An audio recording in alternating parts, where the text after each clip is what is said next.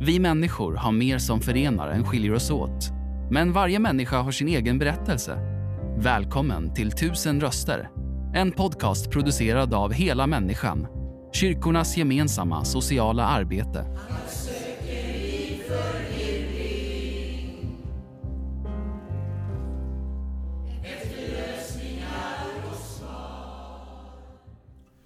Då sitter vi här hos Hela Människan, Ria Falkenberg och jag träffar Ingbritt som är 66 år. Hon är anställd på second handen som eh, verksamheten driver och innan dess var hon volontär. Hon har bland annat jobbat på Hanells industrier med bläckplåt och lackerat dem och gjort plasttunnor och metalltunnor och så. Hej, hur är läget med dig? Det är jättebra. Ja. Och eh, du brukar jobba varje tisdag, är det va? Ja, vi har öppet en gång i veckan här varje tisdag. Från eh, jag plockar upp då i första läget och så, så har vi öppet mellan 1 och 6. Så att det är en källare där nere. Så, att, så det är kul. Mm. Jättebra jobb. Ja, det förstår jag. Du, ehm, eh, vad ger det här för dig att få jobba med nu är det någon som åker förbi här, någon ambulans som naturligtvis. Eh, vad ger det här jobbet för dig? Ja, alltså det, pengarna går ju till, någon, till, till de utsatta och här. RIA har ju en verksamhet med boende också här. Så att, eh, men för mig är det, jag är pensionär så att eh, jag, på något sätt så brinner jag för detta. Jag tycker det är så kul. Det, när man packar upp så är det julafton varje, varje dag. Liksom man, det är folk som skänker grejer. Och så säljer vi de här så får man in pengarna. Så att det går ju till något väldigt bra också. Eftersom jag själv har ett, eh, ett beroende bakom mig så vet jag ju hur, hur jobbigt det kan vara. Man kan vara utslagen, man kan bo på gatan och så. Det, så långt gick det inte för mig men det kunde ha gått så. Så att eh, det, jag brinner för det, verkligen. Tycker det är jättekul. Mm. Du hamnade i en destruktiv, eh, ett destruktivt förhållande. När var det här? Um, vi träffades då, jag var inte så hemskt gammal men det var 80-talet. Så. Och så, um, nej, det blev inte riktigt bra för mig och jag var snäll också och jag tillät mig bli nedtryckt om man säger så. Och um, jag tog till alkoholen för att orka istället för att då som idag, jag tänkte varför lämnade jag inte? Det skulle jag ha gjort. Så det var ju både för jag och han som det skulle vara bra om jag hade lämnat. Men eh, nu gjorde jag inte det. Jag var för feg kanske. Jag trodde väl inte att jag kunde klara ett liv själv också. Så tog jag till alkoholen då. Och det blev ju inte bra. Det som eskalerade. Men till slut så jag kom ju också till eh, företagshälsovården som hjälpte mig enormt jättemycket. De nästan lyfte mig där. Så det var ju en enorm hjälp. Så att då kunde jag lämna också. Hur länge var du inne i det här destruktiva förhållandet? Alltså det var nog 25 år i alla fall. Så det var ganska länge. Och det var successivt liksom man... eh, Ja, successivt som det blev liksom så. Det är Vart det ingenting... mer och mer alkohol under tiden? Ja, det blev mer och mer. Men de sista tio åren kan man säga så blev det ju mer. Och sen tänkte jag att när jag lämnade så tänkte jag att nu, kan, liksom, nu behöver jag inte alkoholen. Men så blir det sämre. alltså det är jättekonstigt. Jag kan inte fatta det än idag. Då, men det var det ingen som hade koll på mig utan jag var ensam då i en lägenhet och då kan man liksom bara dricka. Så att då ökade det faktiskt de sista två åren. Men sen kom jag till Klara här i Falkenberg. De har hjälpt, ehm, då gick man i åtta veckor.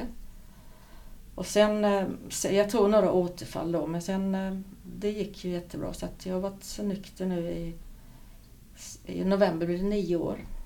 Grattis! Tackar. Ja, det känns jättebra. Så, så skönt att vakna på morgonen och bara, ja, känna sig okej, liksom fräsch och så. Mm. Hur, hur skulle en riktigt bra dag se ut för dig idag, nu när du, har, när du inte dricker längre? Ehm, nej, man vaknar på morgonen och känner sig fräsch framför allt. Man, eh, det är ju den känslan som är jättegod. Och eftersom jag är pensionär så kan jag göra vad jag vill och så. En bra dag är ju faktiskt på RIA också. Det, är ju, det ger mig så mycket. Men sen är det att kunna ligga och sova, sova ut och så. Och känna att jag, väldigt många kompisar har jag fått också. Genom den här. Då hade jag inga kompisar som jag kunde bolla med och så. Utan det var ju han och jag på något sätt där. Så, men nu har jag jättemånga kompisar så att nu är det nästan för mycket på så sätt. Men eh, så det, ja, man gör lite olika grejer, man åker ut. I helgen har jag varit på Kosteröarna Ja. med en kompis. Så lite sådana grejer man gör, lite långhelger då. Och sen är man hemma, jag har en trädgård att sköta också. Så det är en riktigt bra dag, just att vara i trädgården också. Mm. Jag tänker på det innan du eh, hamnade i det här förhållandet och så. Hur var din barndom? Barndom kan man säga var, det var paradis för jag var född i, i Norrland. Så att, eh, och vi hade ett hus vid havet, så att, om man säger Bottenviken då. Så det var ju alltså paradis, klättra i berg och, och gå ner till stranden och bada. Och, ja, det var, alltså det var paradis. Och sen flyttade vi ner när jag var 13 år, för det var jobbet som eh, min pappa... De skulle sluta då, Hanells, i, jag kan säga att det är Örnsköldsvik också. Um, så det var paradis och bodde där. Men sen när man kom ner till Falkenberg, en annan dialekt och så, det, det var inte så där kul i skolan. Så det blev väl också att man, mitt självförtroende gick i botten. Jag var en väldigt busig tjej, sådär lite småbus och lite, ja, lite rolig. Många skrattade och så. Men eh, sen när man kom hit så, ja, det vände väldigt mycket. Det var också, ett, just att jag tappade självförtroendet här. Flytten, det var flytten och Ja, det var andra flytten som gjorde det också. Eh, Det är inte så lätt att få nya kompisar, en annan dialekt. Man blir lite retad och lite så. Du har lagt till, till dialekten nu? Ja, det har jag säkert gjort. Det var ju alltså 68 flyttade vi ner så, så det är några år sedan. Man kan inte tro att du är från Norrland. Nej, det är när jag hälsar på min eh, moster som är fortfarande kvar. Hon, eh, då börjar man liksom ta upp det här. Det är lite roligt. Alltså, jag tycker det är så härligt med dialekt. Mm. Jättehärligt är det. Men hur tacklade du det? Ja, alltså jag har ju nog gjort så att jag var tryckt ner hela tiden. Tryckt ner, tryckt ner och jag var nog en tidsinställd bomb. Det var där alkoholen gjorde så att jag kunde slappna av. Så att jag bara tryckte ner så. Mm. Det var ingen att prata med eller så. Nej. Mm. Vad skulle du säga till dig själv i den åldern? Om du fick idag säga någonting till... Ja, jag har ju tänkt på den frågan 13 också. Jag skulle nog säga att eh, eh, just det här med förhållanden, att eh, tänk dig för riktigt att är det här rätt? Blir det här bra för mig? Så skulle jag nog tänka riktigt. Mm. Innan jag går in i ett förhållande speciellt. Så att det är på lika villkor och så. Det skulle jag säga till mig själv. För det var det största misstaget. Mm. Och säg vad du tycker, stå på dig. Även om du har... Om andra tycker att du har fel åsikt så stå på dig. För det är bara jag som kan tycka och tänka själv. Det är jag som vet vad jag tycker. Vad tänker du om hela människans verksamhet? Du har varit inne på det några gånger. Men vad, vad, vad tror du att det här ger för de människor som lever i en utsatt livssituation? och så? Det är på samma, en fristad skulle jag kunna tänka mig. Att, det, att man kan komma hit och äta, man kan komma hit och prata. Hon, Maria är ju speciell. Jag tycker hon är, hon är jättebra på så sätt att man, eh, just det där, lite tuff också måste man vara. Man kan inte vara liksom ge med sig utan hon är kärleksfull och rak. Och, ja, jag tycker hon är jättebra. Mm. Så att det är en fristad att komma hit. Maria är chefen här. Ja, hon är chefen här. Mm. Ja. Hon står för någon tuff kärlek. Ja, det kan man säga. Liksom, hon är ju rätt, äh, rättvis kan man säga. Liksom, äh, rättvis och hon är jättebra och det är många som säger det också. Jag såg något tidningsutklipp häromdagen. Som, äh, det var en som tyvärr inte som finns här i Hallands Nyheter då. Så äh, det var, ja, de, alltså hon får ju mycket komplimanger också från de som är här. Så det, de känner ju en trygghet att komma hit. Mm. Så det är bra. Det är fantastiskt.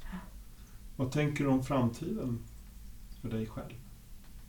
Att jag inte ska dricka i alla fall. Är, man är inte längre än armen räcker. Liksom. Man är inte från glaset så länge det är bara armen som kan göra att man dricker. Är det, är, hamnar du i situationer där det kan vara lite kämpigt? Ja, det kan det vara. Jag kan känna en sorg. Samtidigt, nu var jag ute i helgen här och min kompis dricker. Hon är, hon är normal om man säger så. Alltså hon dricker så, där kan jag känna en sorg på något sätt att jag inte kan ta det här glaset. Så fortfarande finns ju den sorgen när man kommer i det läget. Men, men som sagt, jag dricker inte i alla fall. Så att, eh, Nej, och så går jag på A-möten också. eh, Lite då och då. Jag är lite dålig på det. Men eh, då finns ju. Och där kan man ju gå dit och berätta vad, man, vad som trycker den och så. Och där är ju alla lika. Alla, ingen som dömer någon utan alla har ju samma sjukdom. Så att de vet vad som... Man känner igen sig i de, delningarna så. Så att ja, är jättebra. Och du har med det här på hela människan också. Kan du dra nytta av det, de erfarenheterna du, du hade? Jag tror det, för att eh, jag tror det i alla fall. Jag, jag är nog ganska snäll om man får säga det själv. För snäll kanske många gånger. Och när någon kommer så, så förstår jag situationen istället för att kanske slänga ut dem om de beter sig. Komma hit lite påverkad och så. Eftersom jag då vet min egen situation, jag har ju varit där. Så, men jag har ju ändå på något sätt eh, skött mitt jobb så att de visste ingenting på jobbet. Eh, jag drack ingenting på jobbet utan det var kvällarna som man drack och sen var jag säkert bakis många dagar och så på jobbet. Men... Så just den känslan är härlig att man slipper ljuga. För det, det är det man gör. Ljuger hela tiden och får till det liksom. Och så. Det är också en härlig känsla att slippa. Om du fick gå tillbaka till den här perioden när du var i det här destruktiva. Vad kunde samhället eller vad kunde kanske företaget eller de runt omkring det, vad kunde de ha gjort?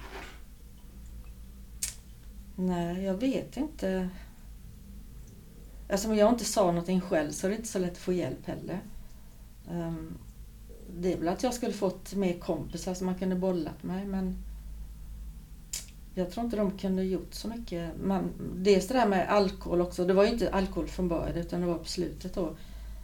Det är inte så lätt att, att veta liksom när man inte själv säger någonting. Man måste, ju, man måste komma till botten för att kunna resa sig också. Mm. Var du i botten?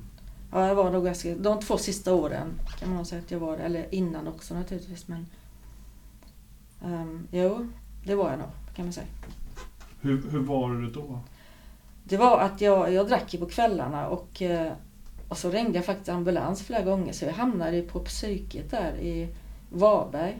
Är det något som... ehm, jag tyckte synd om mig själv så jag ringde väl ambulans och ja, det var, det var ju väldigt ja, ledsamt. Jag var väldigt ledsen och så. Men det var någon rop på hjälp? Ja, rop på hjälp var det. Så det var ju ett par gånger då. Och så när jag hamnade på det här psyket. Eller eh, det psyket. Först var det psyket då man hamnade från ambulansen. Sen skickade de mig till behandlingshem på Ekerö. Och så spelade jag mycket barngolf. Och så skulle jag ju, jag hamnade på fredagen och så måste man ju vara nykter 24 timmar tror jag det. Så jag kom inte hem på söndagen då. Skulle jag spela barngolf. Och då kände jag på något sätt, nej det här liksom går inte. Så då, jag ringde mina föräldrar då. Och så mina kompisar. Så att den vägen var det. Sen kom jag in på RIA då så berättade jag för jobbet. Så att det var då som, så det var ju hjälp. Jättehjälp. Att, dels att jag ringde ambulansen och sen att de, jag hamnade med stegen. Så Mm. det hjälpte mig. Mm. Så på den vägen är det. Men just att man måste, alltså jag tänkte flera gånger Nej, jag kan klara det här. Nu ska jag inte dricka. Liksom, men det går inte. Jag kunde inte det själv. Det är kanske många andra som kan.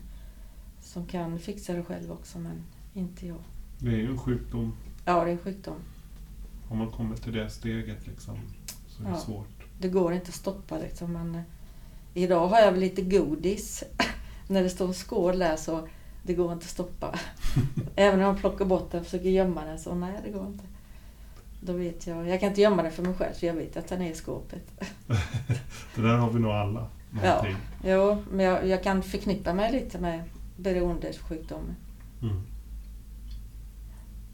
Ja. Väldigt intressant att höra om ditt liv och att, otroligt starkt att ta dig ur det här på egen, ja, helt själv också.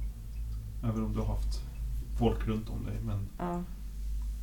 det känns som du har gjort väldigt mycket själv. Och sen får man ju, jag fick ju mycket, jag har ju fått kompisar också genom det här med Klara då, som har samma sjukdom. Och Mm. det är ändå en skillnad att vara med dem för då, då finns liksom inte alkoholen i, i sammanhanget. Men jag tänkte lite på det i helgen nu så att det finns ju det men det är ingen risk att jag dricker för hon vet ju också det. Den är, hon vet ju det så, att, eh, så det är ingen fara. Så. Att hon skulle påverka mig på något sätt. Den, Men det är intressant. för Det är jättebra att ni har det. Men finns det andra mötesplatser eller så där alkohol inte spelar så stor roll? ja, alltså jag vet inte riktigt om jag förstår frågan men man tänker Alltså det är ju hemma, vi har inte så mycket alkohol i vår Nej. familj om man säger så. Men, men eh, så just det där, mm, det kan ju vara två steg tillbaks. För mina föräldrar hade ju inga problem. Och mina, jag känner ju nästan ingen i min släkt. Så att jag tror att jag har druckit mig till det. Och, alltså det finns så många sammanhang. Jag, jag känner också att det, alkoholen är inte så stort nu som det var innan. Utan ska man gå på fest så måste man dricka. Så är det inte riktigt idag. Det Så har att blivit lite bättre. Ja, jag tycker nog att det har blivit bättre. Så kan jag uppfatta det. Så. Det är inte den här sociala pressen. Liksom. Nej, nej, det är inte det faktiskt. Så det känns ju skönt. Sen är jag väl lite blygare också så att jag på samma gång skulle jag behöva den här för att vara med. Man hör det här, det ökar, eller sålet och allt det där. Jag har svårt att hänga med i det men då får man ju försöka undvara sådana. Jag hamnar väl inte så mycket i sådana fester heller nu idag. Mm. Mm. Ingrid, det var väldigt trevligt att prata med dig. Tack så mycket. Tack detsamma. Tack för att du lyssnat. Intervjun gjordes av Daniel Ryderholm och musiken framfördes av Gatans röster. För att hitta fler avsnitt och ta reda på hur du kan engagera dig besök helamänniskan.se volontar.